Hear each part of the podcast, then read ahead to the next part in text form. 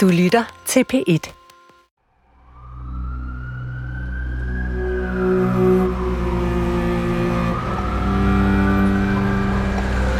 Der er kun ni dage til juleaften, og ni dage til, at Eva skal holde sin tale for familien og alle P1's lyttere.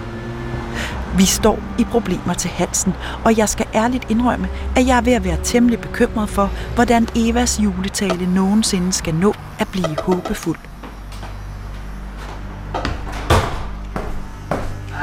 Goddag. Goddag, goddag. Men først skal jeg lige høre, hvordan det gik med topprioriteten. Sig mig engang, fik du købt julegaver? Ja, i hvert fald nogle af dem. Du ved, hvordan det er. Der er altid et eller andet, man ikke kan få. Så, så du skal ud igen? Jeg skal ud igen, ja. Men det bliver ikke i dag. Så vi kan godt nå at snakke i dag? Det kan vi godt. Det er dejligt, dejligt, godt. Måske er Eva også bekymret. For før vi når at få sat os ned, går det op for mig, at Eva har inviteret gæster. Så, nu kommer vi. Det er hendes datter Ida, der kommer. Hun har sine store døtre, Liva på 19 og Frida på 14 med. Hallo. Hej, så. Hej. Uh, hvor er det iskoldt. Hej. Hej. Hej. Alberte. Hej, Ida. Kom indenfor, siger jeg. Jeg bor her næsten. Nå. Ja. Vi har ingen tid at spille, så sammen går vi lige til stålet. Liva får det første spørgsmål. Når du kigger på din fremtid, hvordan synes du så, den ser ud? Jeg synes egentlig, at jeg har en masse muligheder for mit liv, men jeg kan mærke, at jeg synes, det er klimakrisen, der stikker mest til mig, og som jeg ligesom er mest bekymret for, fordi jeg føler, at vi er en ung generation, som egentlig har en masse drivkraft og handlekraft, og rigtig gerne vil gøre en hel masse, men at vi måske ikke får lov til at gøre lige så meget, som vi kunne, fordi der ikke er blevet taget de ordentlige politiske tiltag, øhm, som jeg synes, det kræver. Øh, sådan noget som, vi skal have kødfri dage på kantinerne, og, og flyafgifter, og bedre muligheder for genbrug, og for at sælge vores øh, brugte tek- øh, teknologi, hvad hedder det, teknik videre. Så jeg synes, min fremtid ser for mig så lys ud, men jeg, jeg tænker selvfølgelig rigtig meget på, hvad der kommer til at ske, og om mine børn og min bedste venindes børn og børnebørn også får en lige så lys fremtid, som jeg måske har lige nu. Mm. Hvad siger du, Frida? Synes du, det, bliver du bekymret, når du kigger på fremtiden, eller tænker du, at den er lys, og det nok skal gå alt sammen? Jeg kan godt blive bekymret, når jeg, når jeg tænker på fremtiden. Hvem gør dig bekymret? Det er nok mest de voksne, fordi at jeg føler selv, at jeg gør rigtig meget. Jeg er vegetar, og jeg har været det siden jeg var 10. Og jeg køber nærmest kun genbrugstøj, og jeg sorterer mine ting og sådan noget. Men jeg kan godt nogle gange blive mødt af den der, det kommer ikke til at hjælpe på noget. Af de voksne. Ida, er I voksne pessimistiske? Øhm, det har jeg i hvert fald været indtil den dag, hvor min søn, som ikke er med i dag, han har været omkring øh, syv år gammel. Han kom, og, og han sagde sådan underlig henkastet, mor, mor, hvornår er det nu, verden går under? Lidt som om, hvornår er det nu, vi skal hjem til mormor og morfar til fødselsdag-agtigt. Du ved, på den måde. Og så tænkte jeg bare, hold da op. Altså, det, det er simpelthen for hæftigt, at jeg går rundt og taler om klimaudfordringen som om, at verden går under snart. Øhm, så jeg har faktisk forsøgt at tale om det på en anden måde siden. Også fordi, at det er gået op for mig, at altså hvis, hvis man holder op med at håbe, hvis man holder op med at tro, så er der jo ikke noget tilbage. Altså, det er jo det eneste, som kan få os igennem denne her krise. Det er jo, at vi ikke holder op med at håbe og tro. Fordi når vi gør det, så kan vi lige så godt kaste pizzabakker over nakken. Altså, så, og, så vi skal, vi skal være med til at sørge for, at vores unge håber og tror på, at de har en lys fremtid foran sig, og at det er muligt. For hvad er det ellers, der skal, hvad skal ellers drive dem til at udvikle de teknologier, der skal til for at, at skabe et, et mere bæredygtigt samfund. Det, det er jo lige præcis det. Øh, og derfor så synes jeg faktisk, at jeg har forsøgt at indgyde mere håb i jer. Og det fik mig faktisk til at tænke på mor. At til min fødselsdag, der sagde du noget til mig. Du fortalte en historie om mig. Og kan du huske, hvad det var for en historie? Nej, ikke lige det sekund. Nej, men det var den, Nu har du også mange børn. det var den historie, du fortalte om der, hvor jeg ligesom kaldte dig tilbage til verden. Nå ja, selvfølgelig. Ja, Ja. ja. ja. Der var sket det, at jeg havde, jeg led utrolig meget af migræne øh, i, en, i en bestemt overrække, og havde det så skidt. Og så tog jeg nogle meget stærke smertestillende morfinpiller, og jeg havde fået strengt påbud lægen om, at der skulle være en time imellem. Fire timer imellem, mener jeg. Og jeg holdt øje med uret, og nu må jeg tage en til, og sådan noget. Det kørte i, i, i flere år udmærket.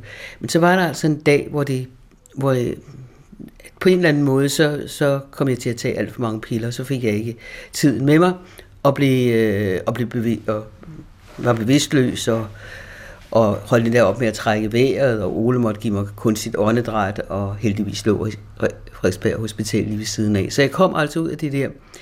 Men den der oplevelse øh, gav mig noget, jeg nu senere kan jeg se, det var en, en mild depression. Jeg kan huske, at jeg så verden igennem sådan et eller andet filter, og jeg blev irriteret over, jeg kan huske, at jeg glædede mig til, at, bør, at børnene skulle komme og besøge mig på hospitalet, og så havde været der i 10 minutter, tænkte jeg, ej, hvor de larmer. Bare de ville gå igen, så jeg kunne læse et dameblad eller sådan noget. Så jeg, jeg, der, der gik nogle måneder, hvor jeg ligesom ikke rigtig var med i noget, hvor jeg gik for mig selv, og ikke syntes, at noget var særlig interessant. Mm.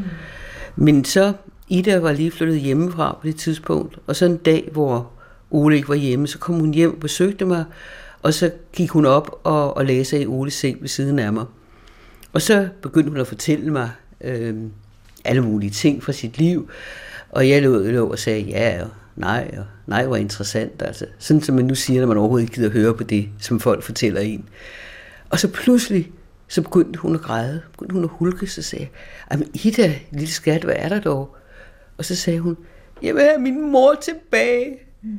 Og det trængte ligesom igennem det der panser, jeg havde. Jeg tænkte, hvad er det, jeg laver her? Ikke? Hvad er det, der sker?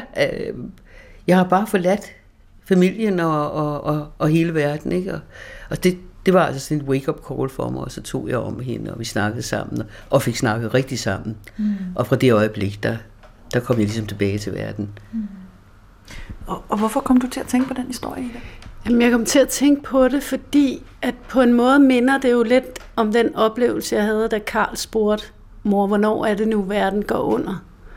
Fordi det gik op for mig, det, det, altså, jeg bliver nødt til at tro på, at de har en fremtid foran sig.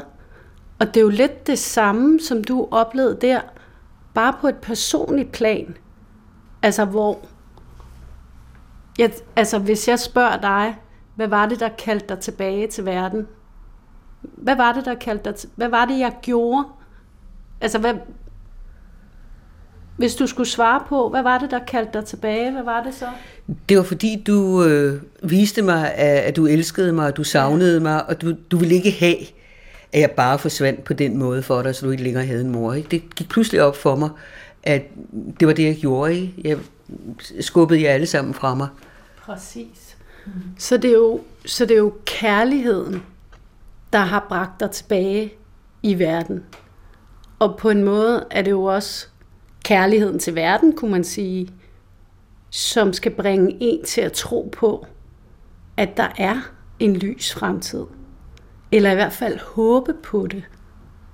Det skal man jo gøre, fordi man, man holder af de mennesker, der er omkring en. Mm. Så når du kan det på det personlige plan, tænker jeg. Så hvis du virkelig elsker verden, hvorfor håber du så ikke? Mm. Men, men altså, øh, Frida alligevel, når I hører jeres mor tale om kærligheden som det, der skaber håb. Hvordan, øh, hvordan resonerer det? Hvad tænker du så, alligevel? Er det rigtigt?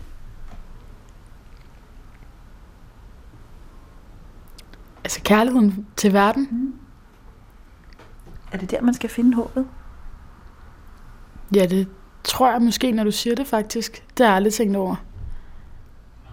Eller måske, det kan da godt være, hvad skulle det ellers være, der sådan skaber håb, end at man har kærlighed til der, hvor vi er, og vores allesammens ophav på en eller anden måde. Mm. Altså, der hvor at vi alle sammen har levet siden forever, at sådan, det er da klart, det er det, vi skal bevare og holde fast ved. Det, altså, det er da sindssygt, hvis jorden går under, og det er os, der er skyld i det. Mm. Det er da vanvittigt. Hvad siger du, Frida? Jeg siger, at der skal jo også på en eller anden måde være en kærlighed til vores børn og vores børns børn og deres børn, og til at de skal have en god jord at leve på. Mm. Så alle de generationer, der skal følge. Ja. Mm. De, skal, de skal have en god jord. Ja. Eva, jeg tror, du er nødt til at få det med i talen. Ja, det, jeg synes også, det lyder sådan. så det er jeg nok. Det er jeg nok.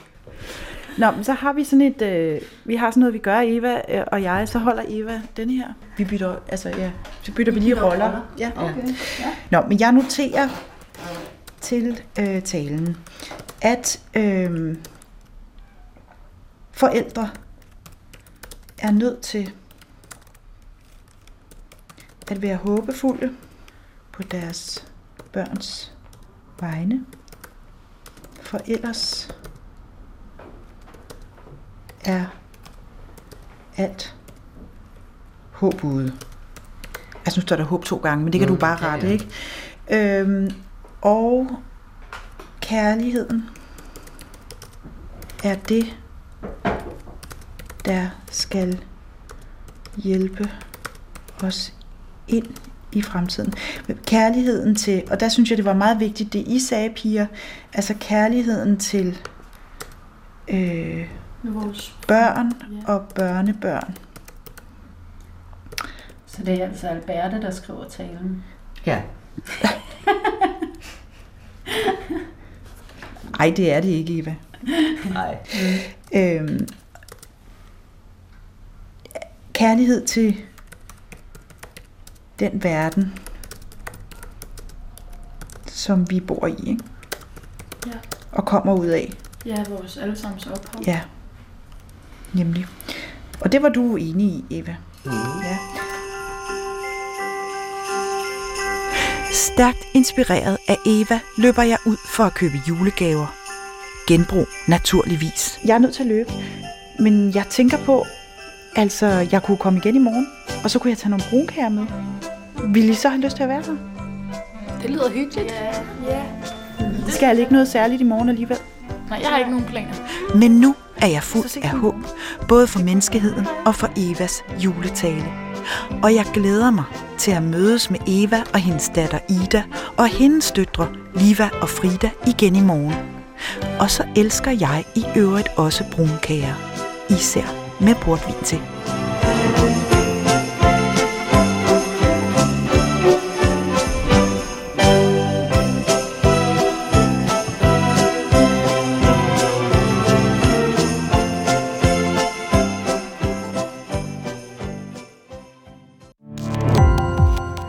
Gå på opdagelse i alle DR's podcast og radioprogrammer. I appen DR Lyd.